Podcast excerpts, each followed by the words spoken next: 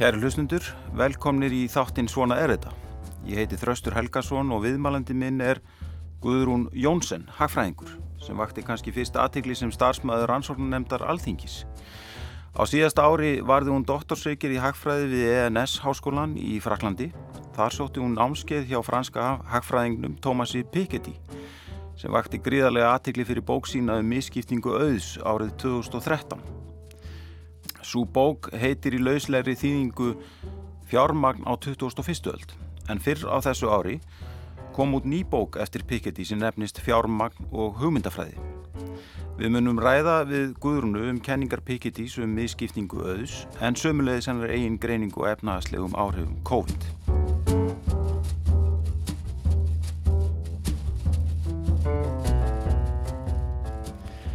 Guðrún, velkomin í þáttinn. Takk fyrir það. Og kannski fyrst, hefur misskipting auðs aukist á Íslandi á þessar öll síðustu 20 ár? Já, það verður sannlega breytingar á, á skiptingu tekna sérstaklega. Það við erum með góðar mælingar á, á, á því. Eh, við erum líka kannski með eh, upplýsingar um það hvernig auðurinn hefur dreifst yfir, yfir sérstaklega fjölskyldur og eh, svona frá 2000, 2000 og fram til 2020 þá hefur svona frekar hallað á, á, á, á þá sem eru í fátakarendanum og, og samþjöpunauðs hefur orðið meiri. E, e, varðandi tekjudreyfingar og þá hérna sáum við mjög mikla e, aukningu ójöfnaðar í aðdraðanda hrunsins svo kallega frá 1995 og allt til ásins 2008 en við hrunið eins og oft í krísum að þá er spilin, eru spilin gefin upp á nýtt og við sjáum að, að ójöfnuðu, þetta er óverulega úr ójöfnuði eh, eftir hrunnið. Við erum með fínar mælingar yfir þetta í, í árið til ásins 2010 sem að, sem að Stefán Ólofsson og Arnátur Sölvi með höfundur hans hafa, hafa gefið út uh, og við fylgdumst vel með þróun af þessum tveimur þáttum hér á Íslandi sérstaklega þegar þjóðhástofnun var, uh, var og hétt en því miður og þá er ekki beinleins aðgengilegar upplýsingar uh, svona uh, ala Piketty, að því þú nefndir hann hérna upp að þáttanins að, að sem að gera okkur kannski svolítið erfiðara með að, að, að svona rína í tölunar eins og kannski gaglagt væri. Já, hvað, hvað er ójöfnuð? Hvernig skilgarinn er hagfræðingur ójöfnuð? Já, sko, það er tvennskonar þessi tvennskonar ójöfnuður, það er annars vegar ójöfnuður tekna og hins vegar ójöfnuður egna Eh, og tekju ójöfnur í rauninu lýsi sér bara það, við, við tökum saman hver, hvaða heldar tekjur eh, falla launafólki í skaut yfir, yfir hérna í hagkerunni í, í heilsinni og svo skoðum við í rauninni hversu mikið af þessum heldatekjur fellur í eh, skaut hversu hverjar einna tíundar skulum við segja. Það sem við höfum áhuga á að horfa á er bæði 10% eh, hæstlaunuðu eh, starfsmennir, hversu mikið fá þeir í laun í rauninni Uh, hversu mikið uh, mikið hlutadregur 1% hæstu uh, launamennir eða þeir sem að njóta hæstarlaunina og svo horfum við mjög gætnan á, á kannski 50% lagstu og svo horfum við á miðjuna. 25 þeir sem er í, í fjörðungs í fjörðungsmörkonum og, og, og að, að ofan og neðan ef við horfum á dreifinguna frá uh, 0 og upp í 100% en að við erum búin að kofra alla, alla, alla hérna, populasjónuna og sama má segja um eigninar en tökki ójöfnur hann lýsir sér sér í því að bara fólk fær mismöndu laun fyrir vinnuna sína. Sumir hafa einhverja tiltakna hæfileika eða þekkingu sem engin annar hefur og er mikil eftirspurn eftir Uh, og, og afurð vinnunar þeirra er eftir mikilsvirði eða mikilsmetin í sjálfum sér og, og þá má búast við því að þeir, þeir aðeins séu með hæri laun heldur næstum aður. Sumir vinna vinnu uh, uh, það sem að margir eru um í rauninni hittuna eða geta, það sem vinna vinnu sem að margir eru færir um að vinna mm. að, að, að, slík, að fólk í slíkum störfum hefur tilnægt til að hafa lægri, lægri teikjur og, og, og þá er auðvelt að skipta út starfsfólki til þess að fá sama verði út úr, út úr vinnunni þeirra. Um, og svo kemur þessi frambóð eftirspilna til vinnuöflu og svo framvegis en, en þetta er nú flókið samband Já. í rauninni og, og, hérna, og kemur inn á uh, ef við tökum eignunda fyrir það þá, þá er uh, að, að þegar við erum að horfa dreifinguna á eignum þá tökum við allar heldaregnir og skoðum hvernig það skiptist niður en eignundar að þær skapast af einhvers konar uh, söpnun eigin fjár sem að búið er af inna af hendi, er að vinna sem hefur búið, er af inna af hendi eða framleiða einhver gæ, gæði sem tekjast hafa skapast af og, og það er tekjast sem byggjast upp yfir tíma umfram þær skuldir sem einhver tíma, einhver, eftir þarf að, að, að hérna að stopna til til þess að framleiða gæðin mm. að þá tökum við til hvað verður eftir af þessari framleð, framleiðni sem hefur þegar unnið og hvernig hún sapnar svo upp yfir tíma og hverjir halda þá á þeim eignum. Akkurat.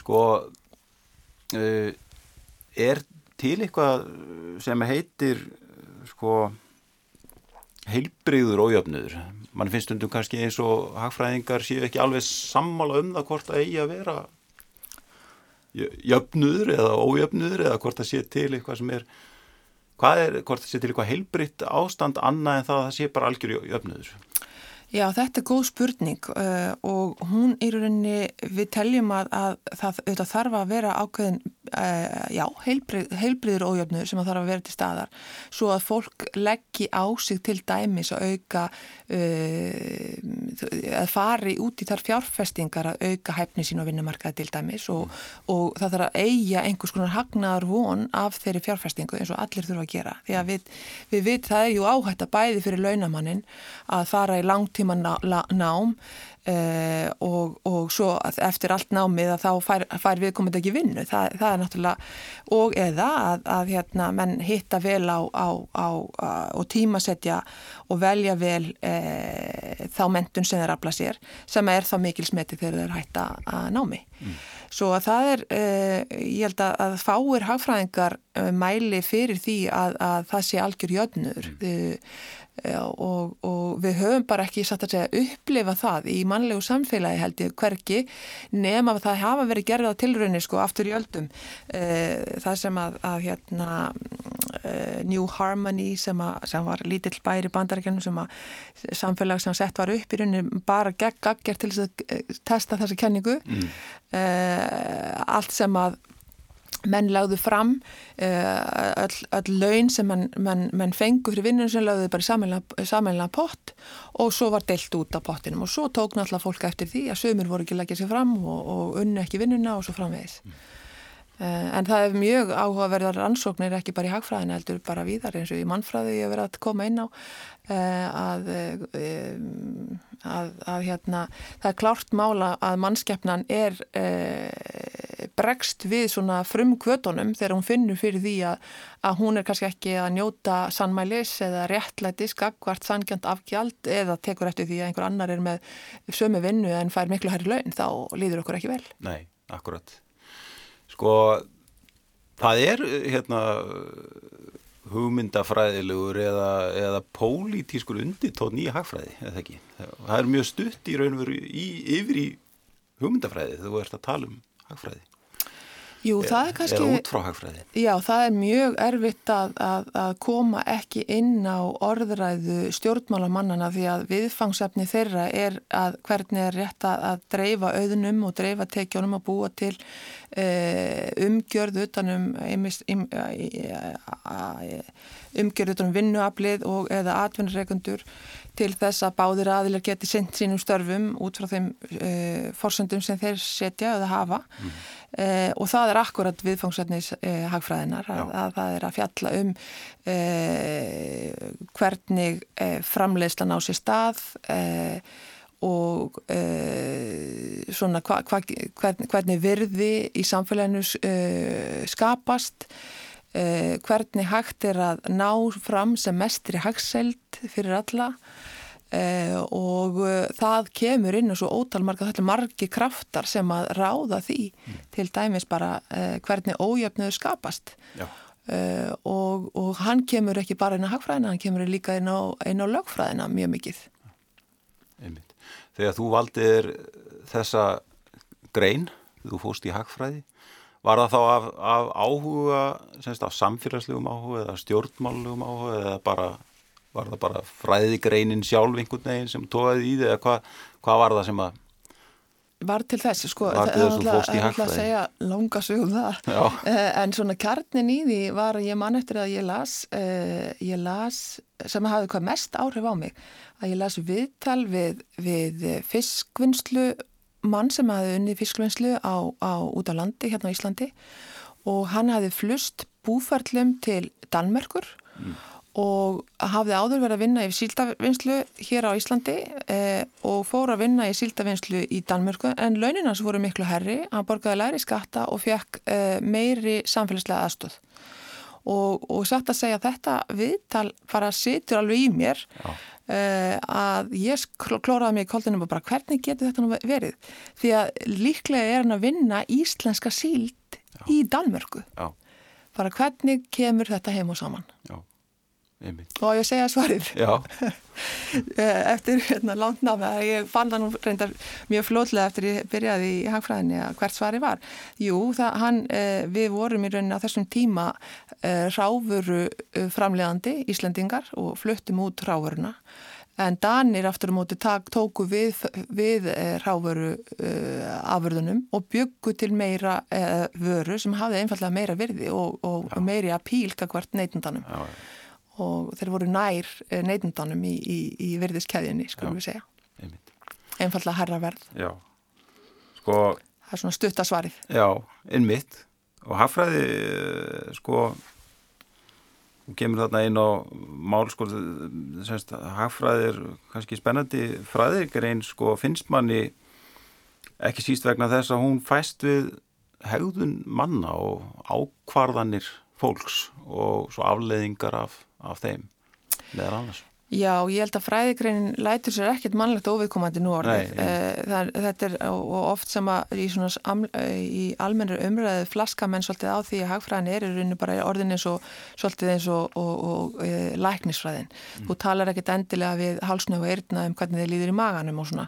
Þannig að þetta er orðið meiri sérhæfing uh, á sviði hagfræðinar og, og það er eins rétt sem þú segir að hún fjallar um það hvernig afurð mannsins, hvernig henni er útdelt og hvernig, hvernig, hvernig hún verður til og með hvað hætti er hægt að tryggja uh, farsælt uh, í efnarsstjórnun almennt og yfirleitt sem að kemur náttúrulega inn á alla þræði mannleira hefðunar í sjálfu sér. Eh, og við, að því við töluðum um svona frýrætil vandamálið áður að, að hérna að við auðvitað til þess að ná fram bestu mögulegu það sem við kallum Pareto uh, bót að uh, einhvers konar stefnumótun eða, eða ráðstöfun efnaðsleira gæða þarf vel að miðast að því að þegar við eigum, eigum ef, ef við breytum einhverju að það sé breyting til batnaðar og allir séu jafnvel settir að minnstakosti engin verðsettur mm. uh, og það er viðfóngsefni hagfræðinar uh, og, og hérna og og þá, þannig að við, við hagfræðingar tegja sig út í alla anga og núna sem betur fyrir eru, eru, eru uh, fræðingar greinarna farnar að tala meira saman sem að hafa þetta sama viðfóngsefni Akkurat. Þú ert uh, efnaðis ráðgjafi vaffer, í hverju fælst það starf? Já, það fælst svona í því að, að, að greina stefnum út um stjórnvalda sérstaklega og, og, og, og, svona aðeins að hugsa fyrir sér hvernig, hvernig eh, félagsmennum vaffer reyðir af í, í efnaðsumhverju hverju, hverju sinni og hvaða, hvaða svona áherslu vaffer þarf að, þarf að hafa í, í, hérna, í samfélagsleiri umræðu og gagvart sérstaklega stjórnvöldum kannski. Nú stöndum við fram með fyrir því að stór hluti af okkar félagsmönnum í vaffer hafa mist vinnuna sem er, er, er svona eiginlega höfuð synd í hagfræðinni þegar, þegar aðtunuleysi verður og, og, og vinnuafl er ekki nýtt til verðmætasköpunar. Einmitt og þetta hefur bæði salrann og mjög auðvitað efnaðslega áhrif erfitt viðfangsefnar mjög erfitt viðfangsefni og, og mitt hlutverk er í rauninni að kíkja yfir það hvað fræðin segja okkur hvernig við getum komist til dæmis út úr því ástandi. Já, við ætlum einmitt að aðeins að ræða svona efnaðslega áhrif COVID hérna á eftir.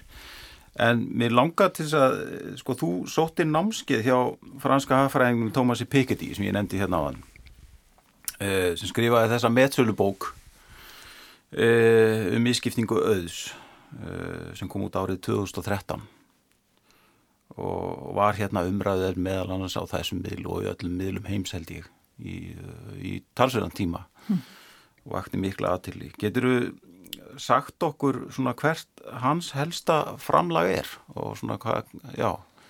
Já, Pikati er halgar stór, svona, hvað ég segi, stór stjarnar í, í heimi og hef, og, eh, sem hefur Uh, vaki mikla aðtegli uh, begge vagna Allands Hafsins mm. uh, Piccati hefur sínt fram á með mjög erfiðum rannsóknum sínt fram á hvernig ójöfnur hefur þróast innan landa og á millilanda yfir mjög langan tíma mm.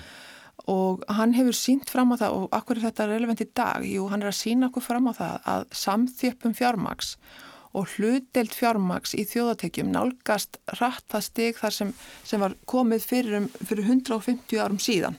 Og þá þurfum við að hugsa um það hvernig var þjóðfélagsgerðin fyrir 150 árum síðan.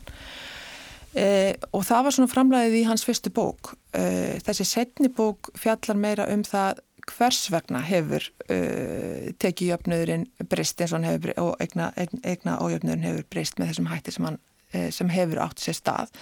Og þá hvaða bleikur eru lofti e, af því merki sem sést í gögnunum að ójöfnurinn er að nálgast. E, og sumstaðarendar í Sáti Arabíu e, og þessum Arabalöndum og jável í Rúslandi bandaríkjónum er ójöfnur bara einfallega að komast á það stig þar sem, að, sem að var, var e, á, á þessum tíma 1700 þessum hám, þegar hámarki ójöfnöðu var náð á, ára, á, á 100 ára tímbilur reyndar eftir frönsku byltinguna 1814 til 1914 fram að fram að, uh, fram að, að setni heimstyröld ja. uh, og hann uh, sem sem sýnir fram að það líka hvernig sem er svona gefur ákveðna von að, að e, þetta er ekki fast samband eða þetta er ekki fast yfir tíma Jójöfnurinn hefur breyst hann, hann sveiplast á laungum tíma reyndar mm. E, en e, blaðinu var algjörlega snúið við eftir setni heimsturöldina þegar Ójöfnur var hvað minnstur til dæmis árið 1985 í, í, í löndum sem við erum svona að horfa til. Breitlandi, Bandarækjanum og fleirstöðum Og hvað gerðist þarna í, í, í mildtíðinni? Jú, það var uh, það sem gerðist í rauninni og hann lýsir því að, að, að orsakir ójöfnuðar, það er mjög margi kraftar sem að, sem að eiga sér stað þarna eða, eða takast á. Kanski fyrst að íhuga það aðeins er ójöfnur er hann skadlegur að því við tölum um er, er að hafa heilbreðan jöfn, ójöfnuð og svara við því er já, það er, það er, það er heppilegt að það sé skil, skil, það sé skil á milli þeirra sem að leggja mikið á sig og, og, og skapa virði og, og þeirra sem að kannski leggja minna á sig en aftur á móti ef að ójöfnurinn verður óhóflugur að þá hefur hann einfallega mjög skadilega áhrif á hagsalt heildrinnar e, heilt yfir. Og jáfnvel fyrir þá sem að skapa og skemmtilegt andurslótt fyrir því jáfnvel þá sem að eiga mikla peninga. Og þá er bara þetta horfa til Suður Afríku í því tiliti en, eh, en það sem gerist er að, að eh, kannski leifum okkur að fara aðeins aftur þó ég veit að við halda okkur svolítið við daginn í dag en þá, þá, þá þetta framlag hans að, að minna okkur á í dag við sem höfum búið við haxalt mjög lengi að við höfum kannski tilneingu til þess að halda að það sé allt í stakasta lægi og, og það eru jú allir með hérna, það eru atvinnleysi spætur og það eru félagslegu réttindi sem hefur verið komið á eftir heimstyrjöldina síðari mm að þá þurfum við aðeins að minna okkur á þá hvernig lífi var þarna á, á e, öldum, að fyrra öldum þegar að ójöfnurum var mjög mikil og, uh, og uh, hluti af þessu er bara uppgerið, við fyrir maður uppgerið og þrælahaldun sem slíku. Og, og hvernig því var aflétt í gegnum í raunni þessa hugmyndafræði að eignarétturinn væri algjörlega heilagur og á þessum tíma var, uh, var eh, þrælahaldinurinn aflétt vegna þess að, að uh, þrælahöldurinn var bóðin, uh, bóðinar bætur. Mm. En á þeim tíma kom það alls ekki til álita að, að, að veita þrælunum sjálfum bætur mm. sem auðvitað náttúrulega fyrir frælsissviftingu og, og hafðu ekki takkið fyrir til þess að, að, að, að gera neitt annað heldur að vera eign einhvers annars og, sem nýtti svo, svo eh, vinnu þeirra á stritt mm. í eigin þái. Þannig að eh, Þannig að, eh, að þessi sagt, samfélagsumgjörð sem þarna var þegar mikið, mikið, ó, ó, mikið ójöfnuðu var, hann, hann eh, markaðist af þessari, eh, þessari höfuð áherslu á, á, á eigna, eignaréttin og, og dreifing og svo má ekki gleyma því líka að á þeim tíma var eignaréttunum svo heilagur að jáfnvel atkvaða eða, eða hérna, kostningaréttur fólks var tengdur eigna egnastöðu eh, fólks.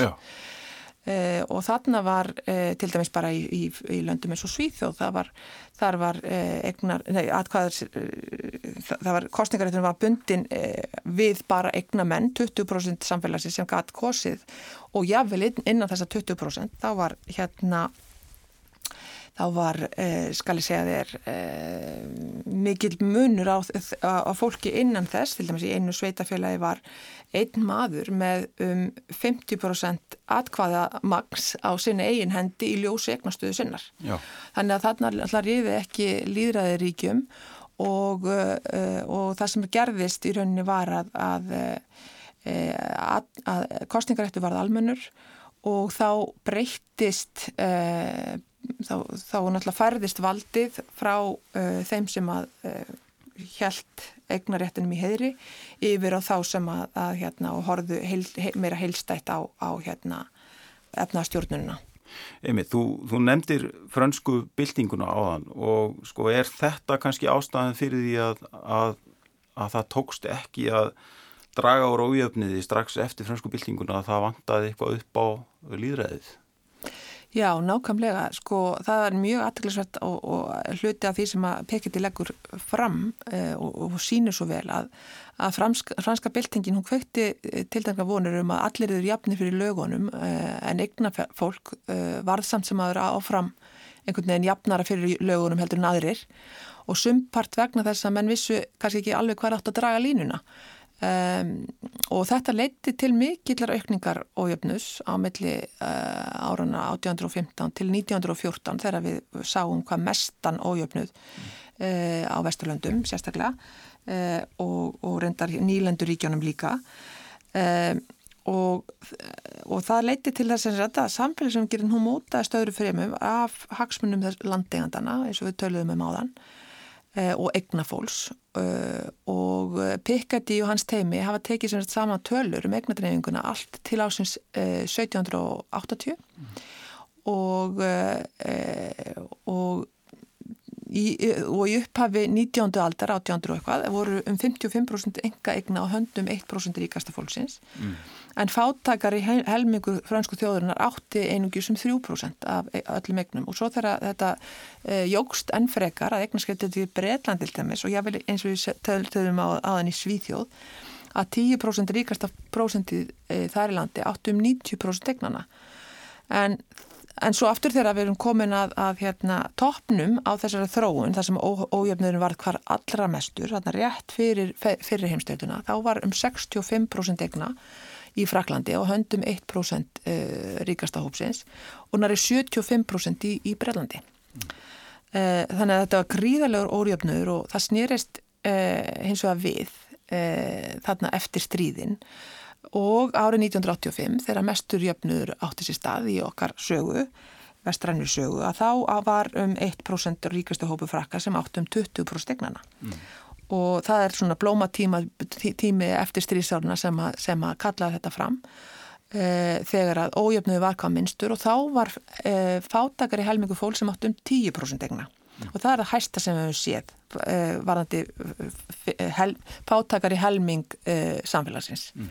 að ná þetta 10% engaegnana en þessi árangur var alltaf stórkostlegur eins og þú varst að segja þú varst að spurja um hvað, hvað svona, ef við köfum aðeins ofan í hvað allir þessu, hvað breytti hvað breyttist á þessum tíma að, að þessi stórkostlegi árangur varðandi að draga úr ójöfniði að hann náðist meiri sem þeirra skattarnir voru, þar að segja engum og sérilega vegna þess að skattarnir voru háir á forrendahópa og rendusóknaræðila en á sama tíma var mjög mikil hagvöxtur um, og en við getum ekki sópaði undir teppið að, að, að þá ríkasta prósentin missi tökinn, þá var fátaktin ekki sigruð. Mm. Þessi helmingur uh, fátak, uh, þessi helmingar, fátakari helmingur samfélagsins hefur í rauninni ekki uh, komist í meira af, af heldaregnum heldur þessi 67%. Mm.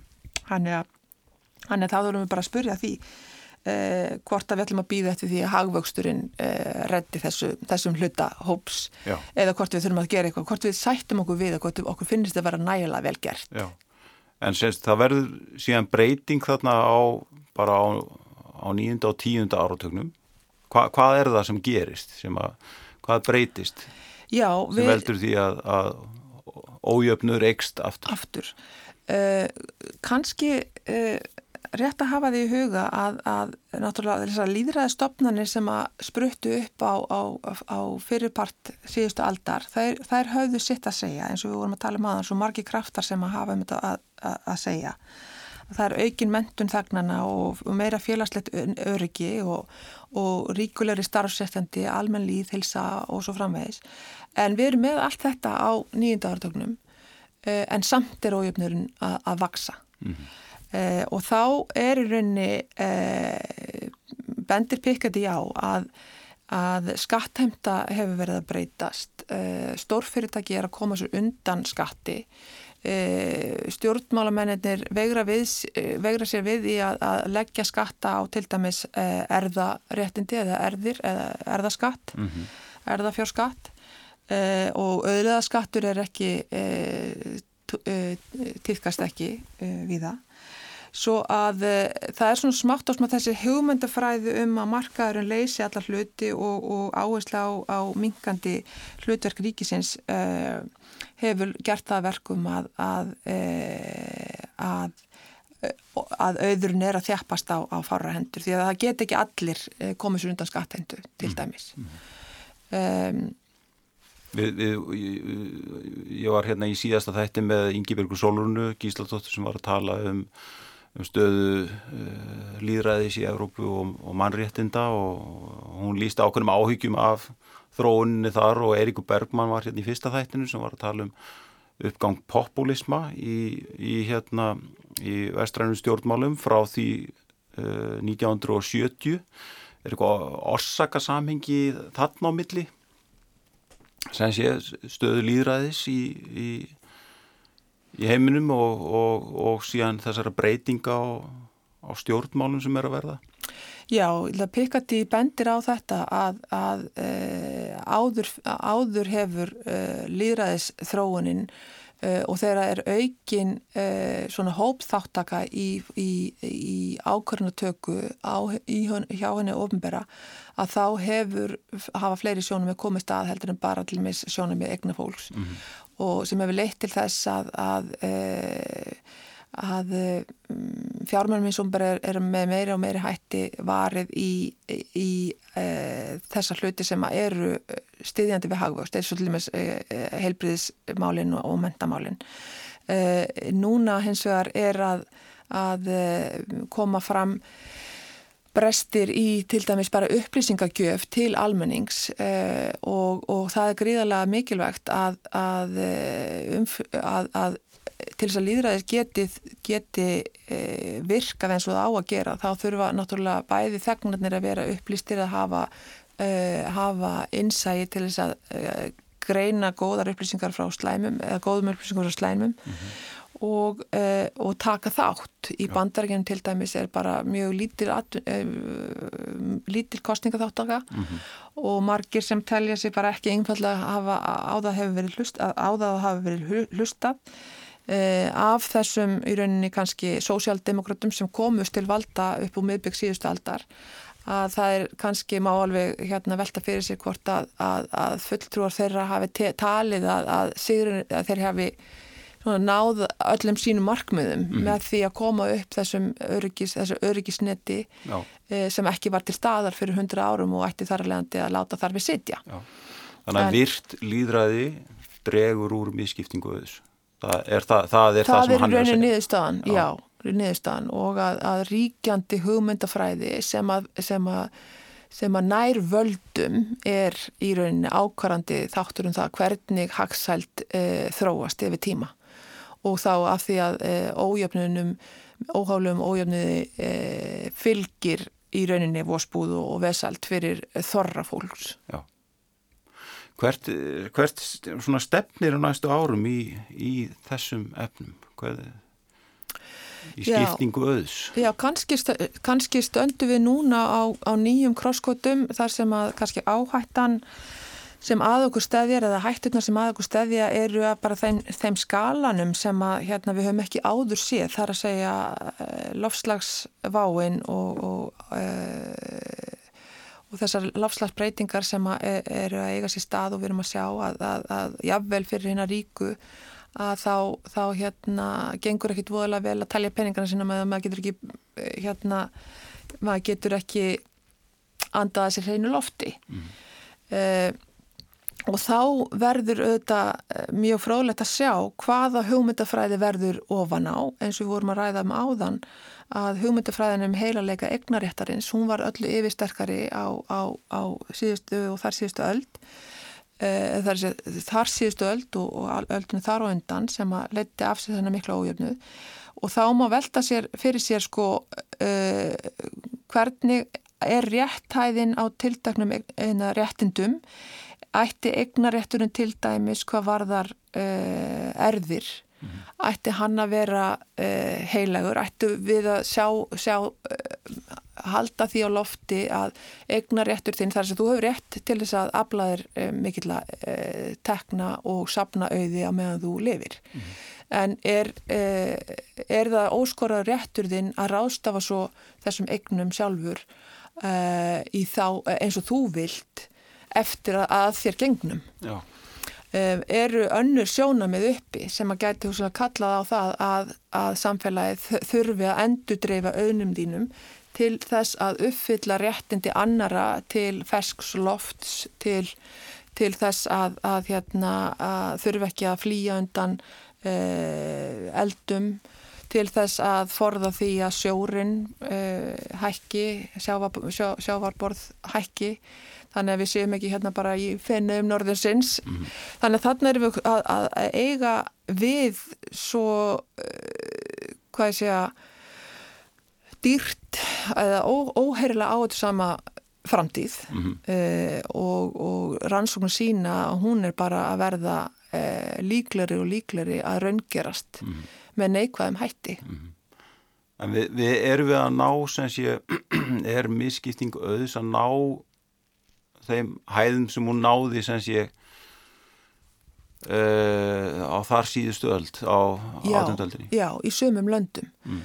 Uh, í Rúslandi, í Bandaríkjanum, í, uh, í Suður Afríku þetta og kannski minka þar síðan þeirra verslétt en já, uh, það er þróunin er í þá átt. Þó svo að Evrópulöndin hafi eru langt á eftir bandarækjunum varandi ójöfnuð þá samt sem að ójöfnuðun að aukast þar líka. Mm -hmm.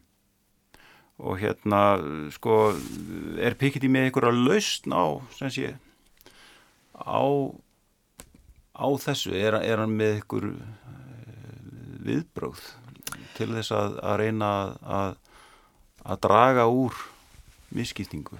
Já, hann segir sko, hann það veltið þessar spurningu upp. Uh, bæði er við að, að, að fara inn í ójöfnu þar sem að, að tækifærin bjóðast bara þeim sem eru fættir inn í tiltakna fjölskyldu uh, eða og þar sem að auðvitað, því að sko börn fátakra eru líka með góðar hugmyndir mm -hmm. en, en það er ná aldrei fram að ganga ef að þau fá ekki tækifæri til þess að þróa sína hæfileika, afla sér mentunar og svo framvegis mm -hmm. og þá verður við af hagsælt mm. uh, og, og uh, svo líka þessi áleitna spurning sættum við okkur við það að fátakari helmingur uh, samfélagsins eigi bara 3-6% heldaregna mhm. er, er nógu gert getur við, ef við dreifum auðnum Uh, yfir alla kurvuna með einhverjum hætti sem að hann er með ákveðina tilurum og ég skal segja frá eftir, eftir smá stund að þá hérna eh, má búast í því að haxaldin aukist almennt og yfirleitt mm. og auðvitað þá dregum við úr öðrum áhættum eins og til dæmis loftslags uh, uh, loftslags uh, vána eða áhættunni á, á því að, að við á endan bara tortímum okkur og um, og já, þannig að Þannig að hann leggur til hann spyr, spyr þessa spurninga og, og, og veltir fyrir sér hérna þessum við vorum að ræða maðan er ekki tilefni til þess til dæmis að, að endur dreifa auð einstakra mannesku að, að henni genginni yfir til allra hinna. Það er að 25 ára farðu bara, það er einhvern búli af, af sjóð sem, að, sem sett er í þegar þú ert gengin, þínir nánustu fá náttúrulega eitthvað, þú veist, hérna, sem er bara hjálpar þeim að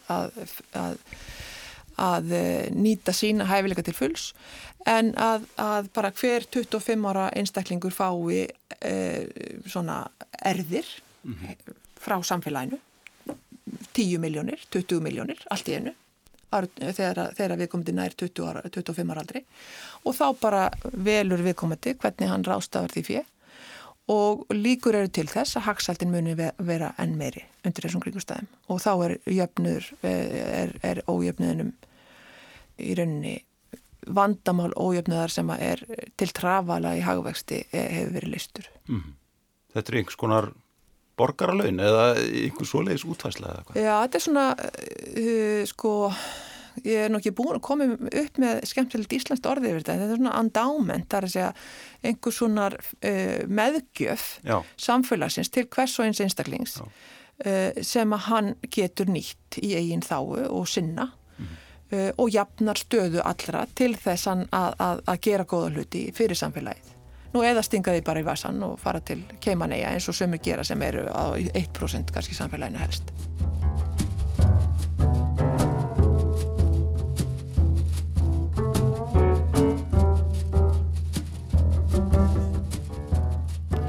Kæru hlustendur, ég heiti Þraustur Helgarsson og þið eru að hlusta á þáttinn Svona er þetta. Gestur minna þessu sinni er Guðrún Jónsson, hagfræðingur, en í síðasta þætti var ættu Yngibjörgu Solunu Gísladóttur sem nýlega leta störfum sem forstjóri líðræðis og margindastofnunar ÖSI, en hún lísti tvísýtni stöðu líðræðis í Evrópu.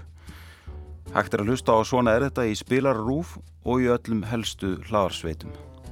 Og mér finnst sko hjá stjórnmálamennum og líka hjá almenningi að hugmyndir um líðræði og mannreitindi sé alltaf að vera grinnri ef við getum sagt sem mm. svo sko líðræði er búið að, er búið að, að hérna, smætta það niður í kostningalíðræði mm. það er að segja að þetta er bara það eru kostningar, ég var kosin, ég ræð. Það er að segja þetta er hugsunin, ef ég fekk meiri hluta þá ræð ég. Og þeir, það er ekki skinnjun á því að líðræði er samræða. Líðræði er, er samráð, líðræði er að komast að samkúmulagi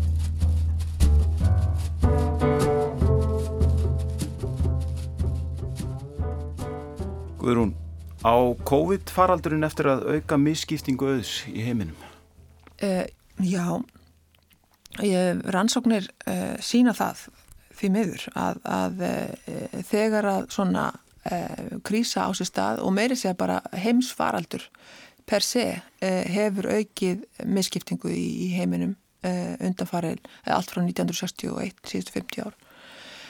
Við erum með mjög vandar rannsóknir af Eh, nýlega rannsóknum frá þessu ári sem sína fram á það að, að svo kallar Gini-stuðl, hann, hann vex yfir tíma eh, strax eh, um það byrð, eða strax eftir að heimsveldur á sér stað eh, og, og, og hann vex jáfnveil fimm ár fram í tíman eh, misjaflega mikið en, en, en, en það ef maður ætti að spá fyrir um það þá, þá er, er þetta spáinn Einmitt og, og verður þetta svona, verður þetta varanlega áhrif eða, eða munna taka okkur bara einhvern ákveðin tíma að, að koma okkur aftur í, í samt horf eða hvernig er þetta að segja til einhvern veginn fyrir um það hvernig mál þróast? Það er auðvitað alltaf mjög erfitt að spá fyrir um uh, framtíðarhorfur eða framtíðar þróun en, en hins vegar getur við uh, og það fer eftir því hversu hvað ég segja alvarlega uh, valdhafar taka ábyrðsynni mm. gagvar því að við halda hagsælt þegnana og, og öryggi. Sumar atvinnigreinar auðvitað verða fyrir mjög neikvæðum áhrifum og við munum þurfa að, að, að færa fólk á milli geira bæði atvinnigundur og, og, og, og launþega eða launafólk e, á meðan að, aðrir geirar verða fyrir mjög miklum jákvæðum áhrifum mm. e, það sem er líka kannski e, svona vekur vonir er að e, það er svona viðtekin viðteknari aðgerð núna að, að, að beita ríkisjóði e, í, að, í því að reyna að taka við slaganum og lifta hagkerfunu upp, auka samneysluna, auka e, útgjöld ríkisins sem, sem að skila sér svo þá inn á borð fólk sem að getur þá e, haldið eftirspurn uppi. Mm. Um, og í því þurfa náttúrulega e, stjórnmálamenn líka að bera gæfi til þess að, að e, ráðstafa fjármununum bæði þar sem þörfir á þeim til þess að skapist ekki verðbólka mm. e, bú ekki til svona þenslu í einum geira til þess að, til þess að létta slakan af í öðrum geira mm. því þá fer verðbólkuna stað En þá sérstaklega á ég við að, að, að menn þurfa að bera gæfi til þess að ráðstafa fjármennunum til þess að draga úr þessari miklu áhættu sem fylgir lofslagsbreytingum mm uh, og, og, og, og hvað ég segja, uh, beina fjármennunum í, þær, í þá geira sem að munu draga úr mengun.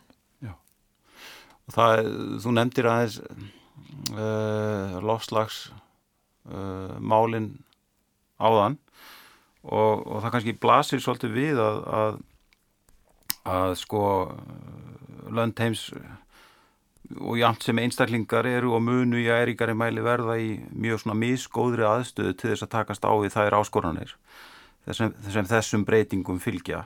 Og, og, og jáfnvel aðeins þeir sem hafa efni á því munu geta andað sér hreinu lofti varið húsi sín fyrir skóareldum, flóðum og svo framveginn sem svo aðst að nefna hérna á þann og, og við hérna upp á Íslandi erum kannski frekar vel stött eh, við erum rík þjóð og, og búum að náttúruöðlendum og, og tilturlega miklum jöfnuði uh, en svo gildir kannski öðrum önnur samfélag og uh, og maður velti, sér, velti því fyrir sér sko að, að hvort að efnaðsleg staða og jöfnuður innan samfélag uh, muni ekki hafa mikið um það að segja hvernig þjóðum reyðir af á næstu áratugum. Klárlega og þarna koma þess að kemur þetta öryggisnett inn eh, mm. sem við heldur almennir hagsælt og við heldur, eh, hvað ég segja, heilbriðum jöfniði. Mm.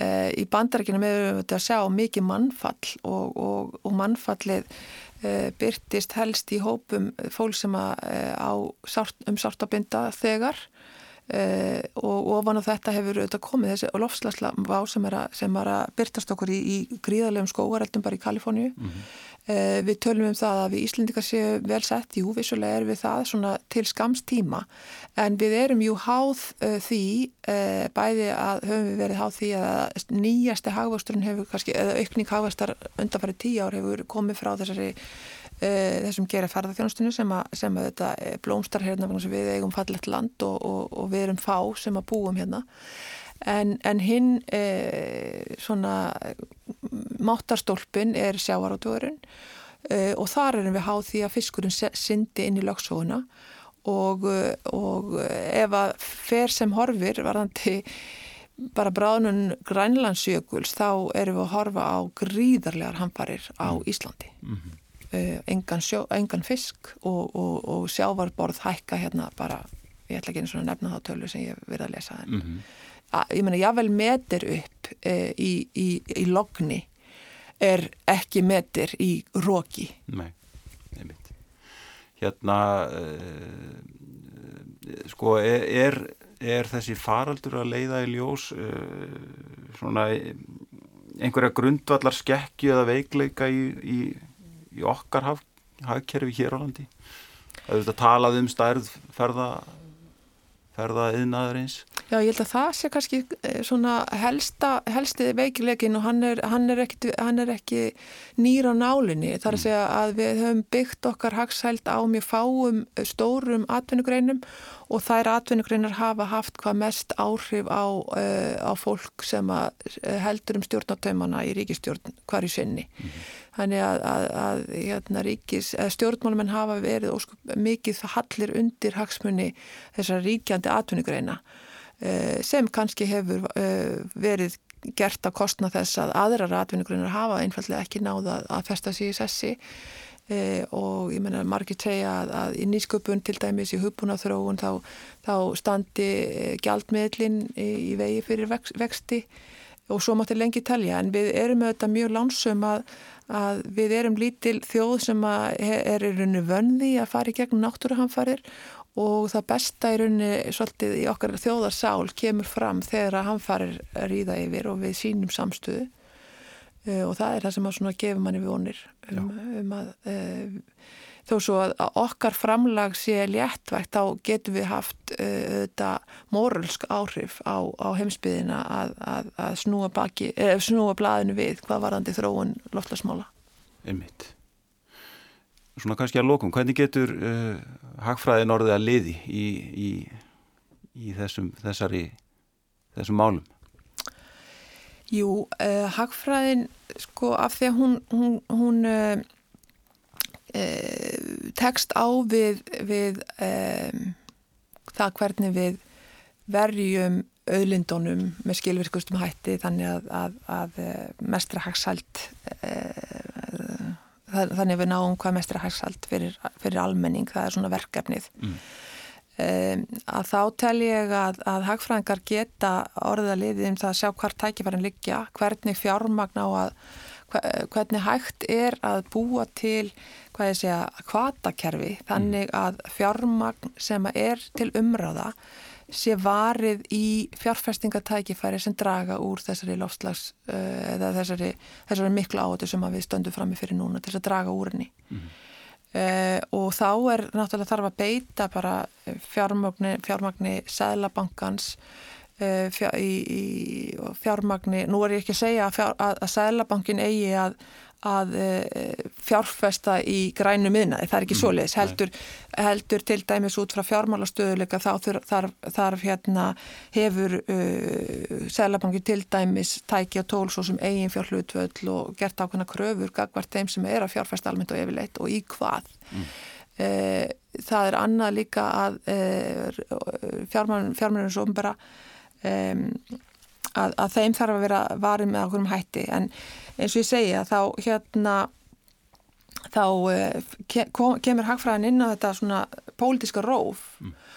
og ég held að bæði þeim, þeir sem halda á stjórnatömmum og stjórnmálmenn þurfa að bera gæfi til þess að fá þessi sjónamið fram og finnast þeir ekki, þeim ekki ógnað í ráðgjöf hagfræðinga heldur meira að horfa á það hvaðan hagfræðingurinn þú veist hvað kredensjali eða hvað, hvaða, hvaða eh, rannsóknir liggja að baki sem hagfræðingarinn leggur fram í máli sinni til stuðnings og í ráðgjöf sinni.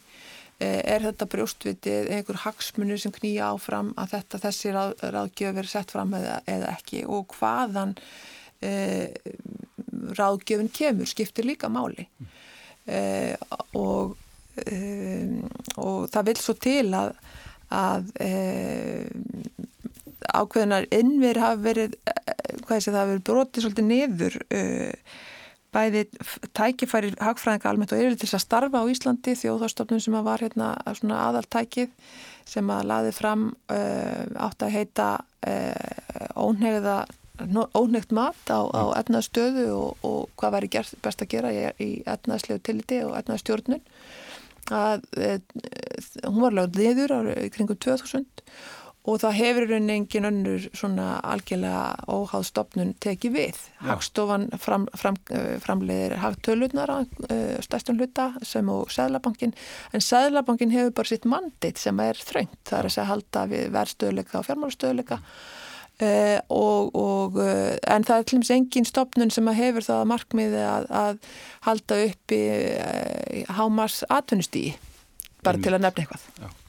Þannig að þarna vantar kannski, það vantar kannski einhvern farveg fyrir hagfræðilega rannsóknir í, í landinu, svona já, skýran farveg. Já, eiginlega, ég held að þessi þurfu klárlega að setja meira, meiri fjármagn í, í það og, og, og, og veita eh, hagfræðingum faglegt svigrum til þess að koma fram með vandaði rannsóknir sem eru ólitaðir af einhverjum tilteknum hagspunum. Já, hefur þetta rakið einhverja hagfræðinga hérna frá landi? Já, við veitum allavega af mjög öflugum hagfræðingum sem eru hér fættir og uppaldir og hafa notið íslensk mentakerfi sem hafa ekki snúið tilbaka. Já, og það er mjög erfitt að harfa baki slíku, slíkum talent. Já, einmitt. E, tímin er að hlaupa frá okkur og e, það var mjög áhugavert að fá þig yngar Guðrún Jónsson til að tala um kenningar Piketty sem viðskiptingu öðs og sömulegðis efnaðislega árif COVID-19 ég óskaði velgengni í þínum störfum en framöndan eru þetta tvísinu tíma, tímar og líka spennandi. Takk fyrir komina Sveimilegis, takk fyrir kjalla Kæru lustundur, við verðum hér aftur að vikuleginni Góða stundir